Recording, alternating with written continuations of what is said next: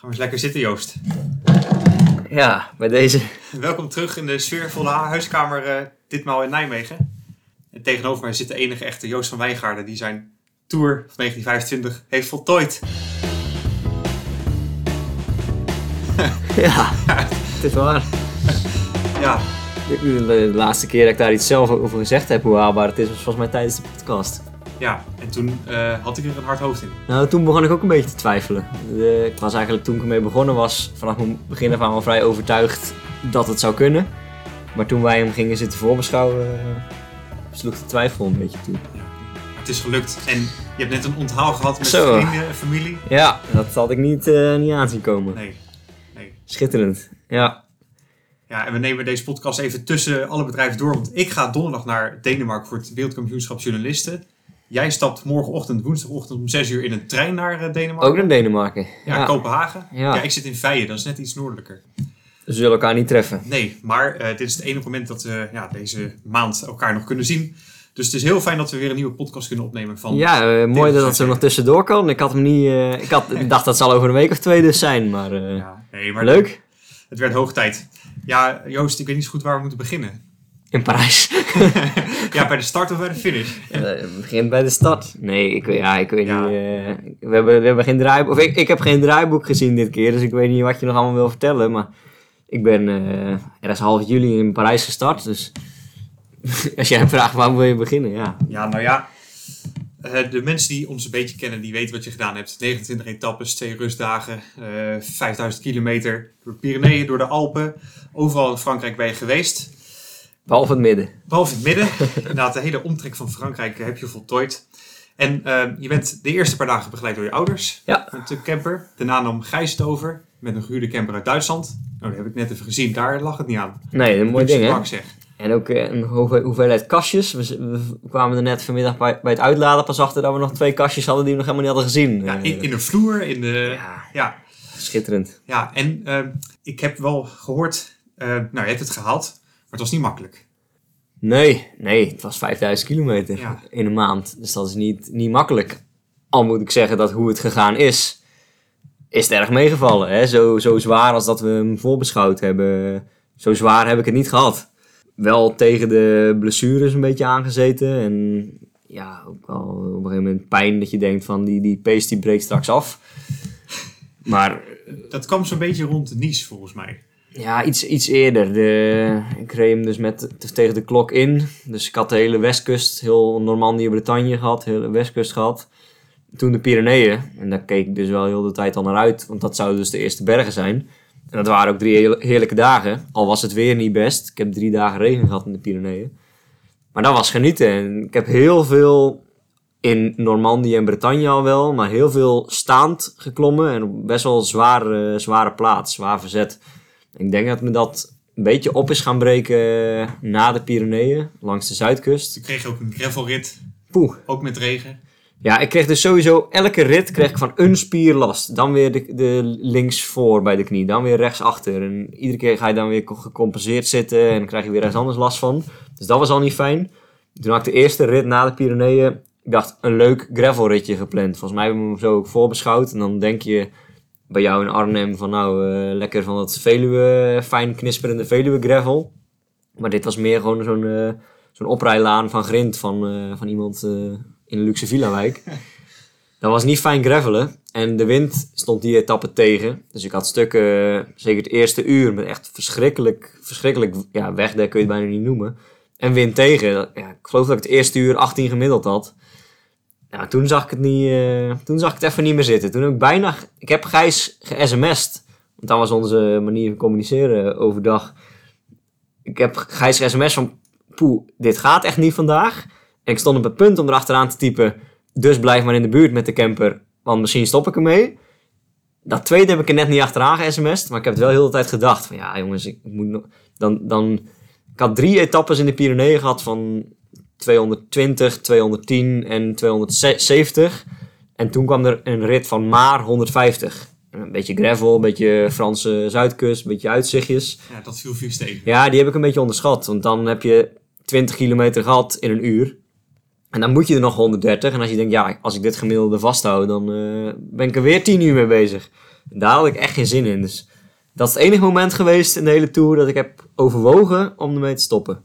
En die blessures die daarna heel de Zuidkust tot aan Nice aanhielden, die maakten wel dat ik me zorgen maakte. Zeg maar zo vanaf de helft tot twee derde.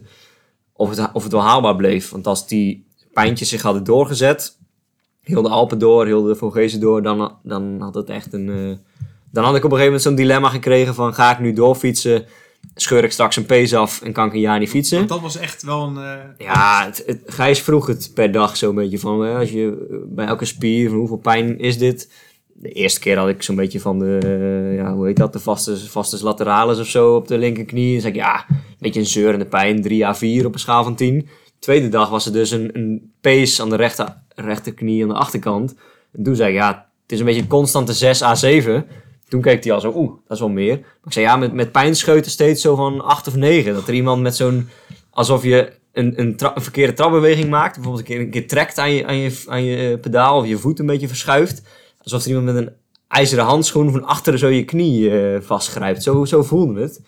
En dat was eerst zo eens in de 20 kilometer, toen eens in de 5 kilometer. En op een gegeven moment had ik het bijna bij elke, elke 10 trappen of zo. En ja, toen dacht ik wel, dit, dit wordt een lange dag. En dus alleen een lange tour. Maar die dag heb ik wel met ja, een beetje pijn en moeite doorgereden. En een beetje een fietspositie vinden dat je net, net geen last van had. Maar de dag erna was weg. Godzijdank. Ja, Het is gelukt. ja bizar. Ja, dat was een beetje een anticlimax in Parijs, begreep ik. Want daar was geen ontvangstcomité. Nee, ja, het is heel gek. Elke etappe eh, vier niet echt een feestje, want je weet, er komt nog een etappe. Dus dat stel je steeds verder uit. En op een gegeven moment denk je, ja, ik ben er, ben er bijna. En dan dat hele uitgestelde feest, dat kwam er niet, zeg maar. Dus dan kom je daar in Parijs aan. Je bent je een half uur lang aan het ergeren aan, aan auto's die in de weg rijden. En toeterende menigte. En eh, ja, je komt half gefrustreerd kom je in Parijs eigenlijk aan. Wat helemaal geen fijne stad is om te fietsen. En dan is het ineens klaar. Want dan rij je daar op die Champs-Élysées, die ik een maand geleden met, de, met mijn vader met de proloog ook al had gezien. En ja, ik ken het hier, ik ben, ik ben, ik ben klaar. Waar is het einde? Waar is, de, waar is de finishboog? Of waar is de... Ja, die was er niet. Dus ja, dan, dan druk je je Garmin op stop en dan is het klaar. Ja. En eh, je stapt de camper in en je gaat naar huis. En Ja. dat is een hele, heel gek einde van zo'n, van zo'n avontuur. Dus pas toen ik mijn Strava-rit uploadde en een Instagram-bericht postte... en toen kwam er ineens een bom aan sms'je of eh, appjes en reacties. En eh, toen ben ik inderdaad gaan beseffen... oh ja, dit is... eh, dan krijg je die ontlading en die, die waardering, zeg maar. Maar Had ja. je tijdens de tour al in de gaten dat heel veel mensen jou in de gaten hielden? Want mijn vader bijvoorbeeld heeft jou als favoriet op Strava gevinkt. Ja, Dus iedere keer kreeg die pop-up. Ah, Joost is er weer. Ja, op, die, op, manier, eh, op die manier, dat wist ik niet. Ik, ik wist wel van een hoop mensen dat ze het volgden dagelijks. En ik kreeg wel van, ook van veel dezelfde mensen steeds eh, Instagram berichtjes en, en reacties. En ik zag wel een beetje zo een groep van man of twintig die vast zeg maar, eh, op Strava reageerden. En eh, veel meer dan normaal kudo's op Strava. En elk Instagram bericht kreeg veel meer likes. Dus ik wist wel dat er meer mensen met interesse naar het project keken.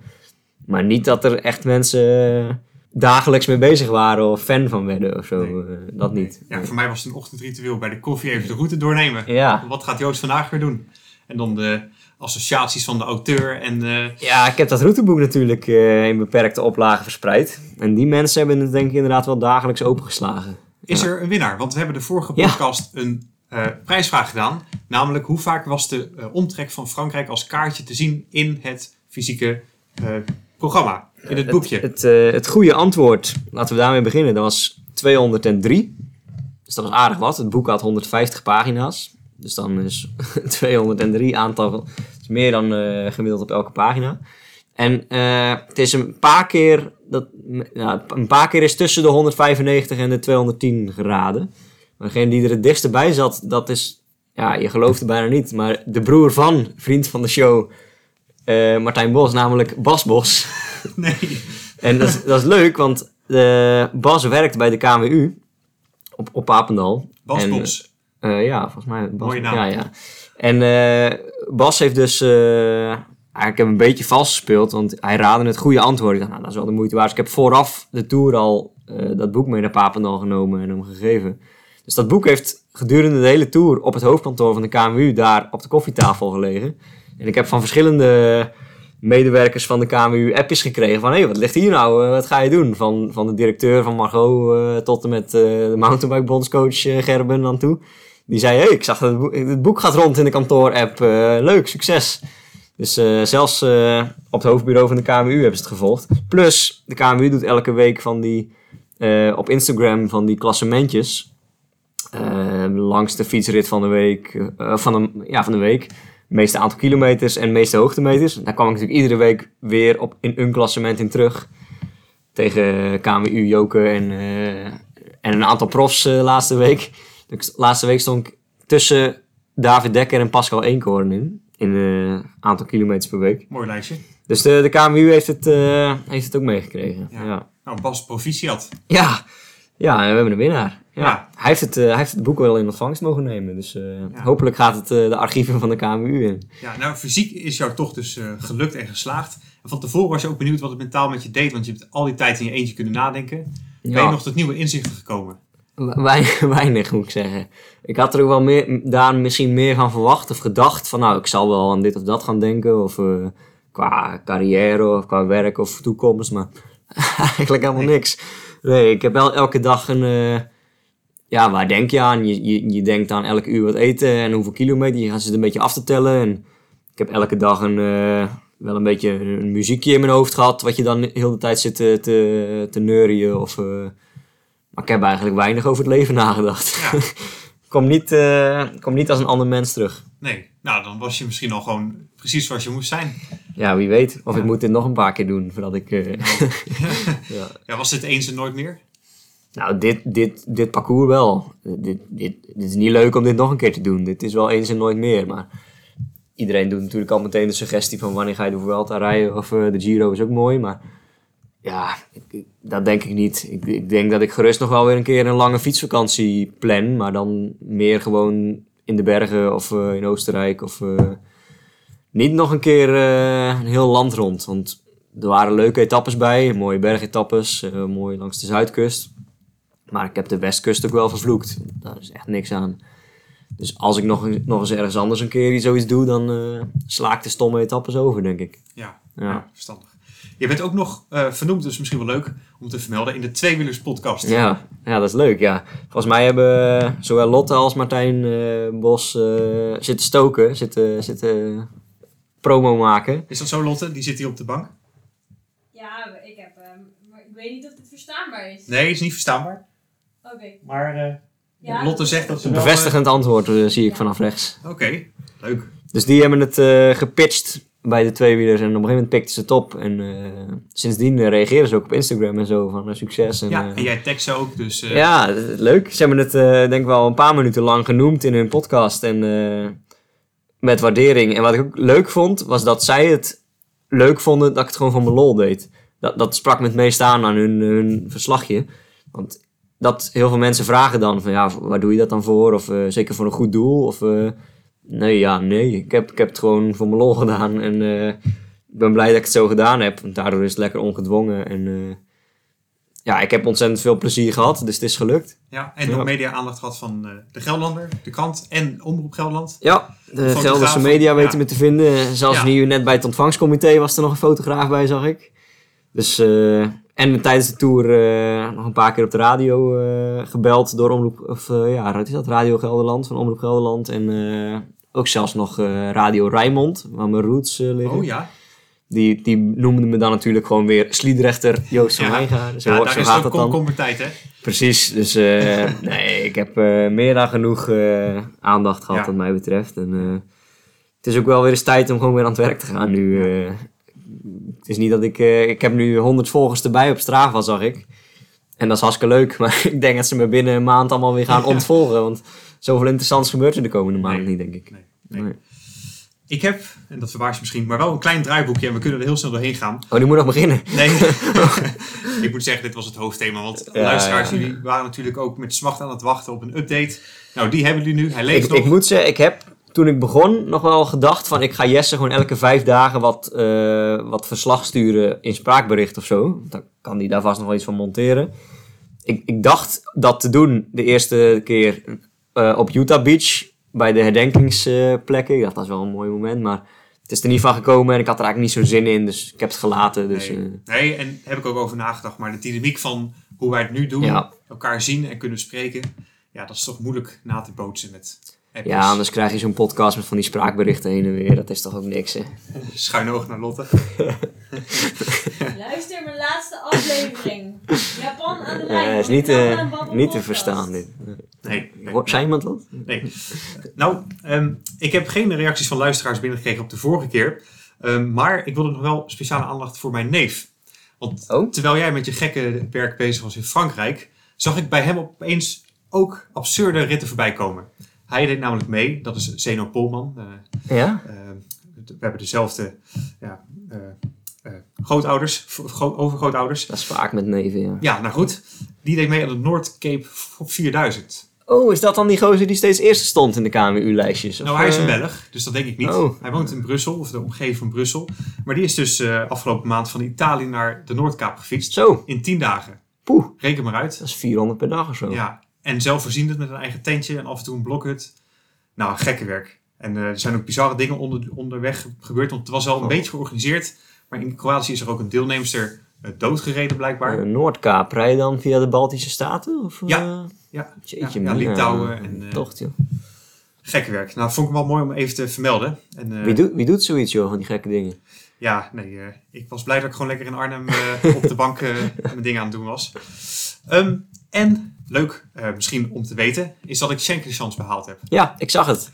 En ik zag het met een eh, foto, met een plaatsnaambordje Schenkenchans. Dus dat betekent dat je niet à la Gerrit eh, van het Wielencafé de pier overgeklommen bent. Maar je bent echt het heen en weertje naar... Ja, ja, ik ben echt naar Duitsland gegaan, ook omdat ik in de buurt van Emmerich nog twee tegels nodig had. Dus ik heb er nou drie in één klap. Ja, naar Huvold of zo. dus nou kan ik mijn tocht naar Beuningen echt niet meer uitstellen. Ik moet echt die kant op Ja. om mijn vierkant te vergroten.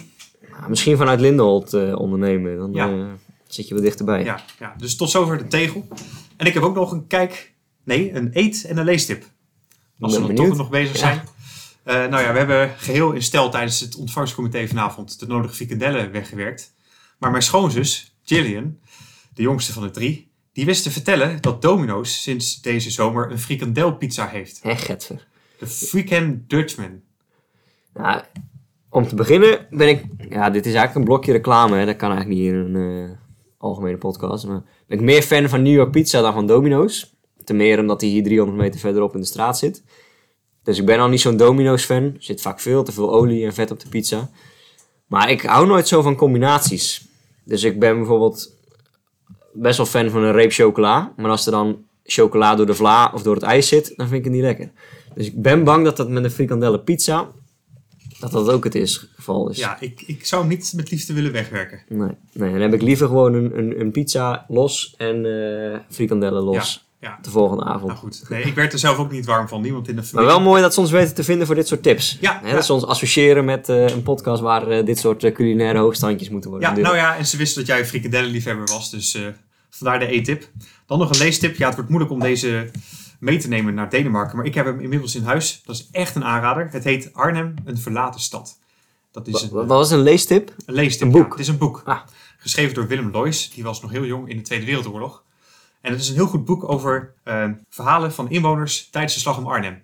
Ah, Dus je hebt heel veel militaire boeken over ja, welke Britten waar zaten, zo rondom de brug in september 44. En dit is eigenlijk het eerste goede menselijke boek met allemaal verhalen van mensen die daar zelf ja. gewoond hebben. En vooral ook over de eva- evacuees. Maar die verhalen, die mensen, die leven niet meer, denk ik. Nee, dus dit zijn verhalen. Hij heeft 100 mensen gesproken in de jaren 80. Dus die waren toen nog al in leven. Jeetje. Die heeft hij nou gebundeld. En dat zijn hele aangrijpende verhalen van gewoon normale mensen Ja. die eh, ja, midden in de oorlog zaten. Dus, en eh, ja, Ik moet meteen denken aan de film Een brug te ver, van Bridge to Far, waarin bij die slag om Arnhem, dat die Britten zeg maar even dat, even dat huis op de hoek innemen, Ja. waar het hele oude vrouwtje woont, Ja. eh, weet je wel. Dat, dat, zo'n verhaal. Ja, Ja, dat- nou dat soort verhalen. En ook, eh, ook eh, verpleegsters die vertellen wat voor gewonden ze binnenkregen in het ziekenhuis. ja dat is indrukwekkend. Ja. ja, dit, dit eh, is wel een leestip. Dus Arnhem, een verlaten stad. Mooi. Ja, en eh, nou jij moet zo lekker gaan slapen, want morgen moet je om zes uur in de trein zitten. Ja. Het is nu kwart over negen. Dat Ja. eh, moet goed komen. Ja, nou ja. Ik ga dus donderdag. En eh, nou, ik ben de laatste maand toch weer iets beter in vorm dan eh, het afgelopen Ja. jaar. Moet wel hè, de WK komt eraan. Week, ja, Wat is, jouw, wat is nu toe jouw beste prestatie op een eh, WK van journalisten? Nou, in 2019 heb ik meegedaan in Italië. Toen heb ik twee keer brons gehaald. Kijk, Zowel op de tijdrit als in de wegwedstrijd. Ondanks een harde valpartij. dus er is wat te winnen. Er is wat te winnen. En ja, misschien juist vanwege die lage verwachtingen kan er wat leuks gebeuren. En dat gaat per leeftijdscategorie? Ja, of, eh, ja, dus ik zit ja. in de klasse tot 40 jaar. En de wegwedstrijd is 91 kilometer. Op een rondje van 13 kilometer. Dus dat rijden we zeven keer. Met steeds 100 hoogtemeters. Dus dat is best wel selectief. Leuk. Dus nou, ik laat het wel weten. Kunnen we ook een nabeschouwing eh, podcast van doen. Er gaan meer mensen die ik ken naartoe. Ik geloof twee Groenewoudleden, Tijmen Moldmaker, Harry Ruitenkamp. Die gaan volgens mij ook. Ja, Dus, Harry zit er al met zijn gezin. Die zit Oh, bij Legoland. Is op hoogtestage geweest van tevoren in Denemarken. Oh, leuk dat Tijmen ook komt. Ja, tenminste, dat, dat zeiden ze. Dus, eh, Maar dat is wel een geduchte tegenstander voor mij. Ik weet niet, is die, die is al 40 plus. Oh, oké. Zal om, ik denk dat die 40 is ongeveer. Hmm. Dus, eh, Kortom, eh, we hebben weer genoeg reden om binnenkort weer eh, af te spreken. Hoe lang zit jij in Denemarken? eh, vier dagen maar. Dus, eh, Oké. ik ben zondag, zondagavond weer terug. Nou, ik ben vanaf dinsdag weer eh, actief in Nederland. Dus eh, dan zien we elkaar. Dan hopen we dat deze podcast daarvoor eh, geproduceerd is. Anders eh, wordt het oktober Ja, die... ik denk dat ik vanavond maar ga, want Ja. voor het weet zit ik in Denemarken. Hey, ja. ik wil je heel erg bedanken voor je tijd. En, Ja. Ik wil iedereen die vandaag hier op de stoep stond bedanken. Want dat was echt ontzettend leuk. Ik, eh, ik zou gewoon lekker een avond op de bank met Lotte hebben voor het eerst in vijf weken. Maar stond, eh, stond 20 man op de stoep eh, toen ik hier aankwam. Dus, misschien nog eh, één vraag. Hoe zit het met je kont? Kun je nog zitten? Ja, prima. Gaat het nog? Geen enkele last van gehad. Nee, ja. Ik heb geen lekke banden gehad. Ik heb geen eh, pech met de fiets gehad. Ik ben niet gevallen. Ik heb... eh, Nee, je bent wel gevallen. hè? Ja, ik ben nog in, in het velodroom van Roubaix ben ik uitgegleden over een bouwplaat. Ja, en een keer vergeten uit te klikken. Ja, Gijs heeft me alles verteld. Ja, ik, bij Marseille ergens wilde ik na het maken van een fotootje weer opstappen. En toen, eh, in plaats van dat ik inklikte en wegreed, schoot mijn Oh ja. voet over het pedaal. En, eh, maar ja, dus niet echt serieus gevallen. Geen lekke banden, geen pech. En geen, eh, Nee. Uiteindelijk dus niet echte blessures. Zitvlak heeft het goed gehouden. Ja. Gewoon, kunst is gewoon goede broeken dragen. En, geen gedoe met beenstukken die ertussen zaten of zo. Want die heb ik niet aangehad eh, alle dagen. Dus goed vanaf gekomen. Ja, dat zei Gijs ook. Er waren duizend en één scenario's denkbaar Ja. dat het wel fout zou gaan. Ja, en daar zijn moeders altijd zo goed in dan. Hè? Om te eh, gaan, gaan vragen en gaan doen. Wat Ja. doe je als? Of hoe gaat het als? En Soms gaat, dat dan wel goed? Soms gaat het gewoon wel goed, hè? het is allemaal goed gegaan. Ja, Nou, wel rustig. ja dankjewel. Succes met produceren en eh, succes in Denemarken. Ja, jij ook. Ja, joep. Joep.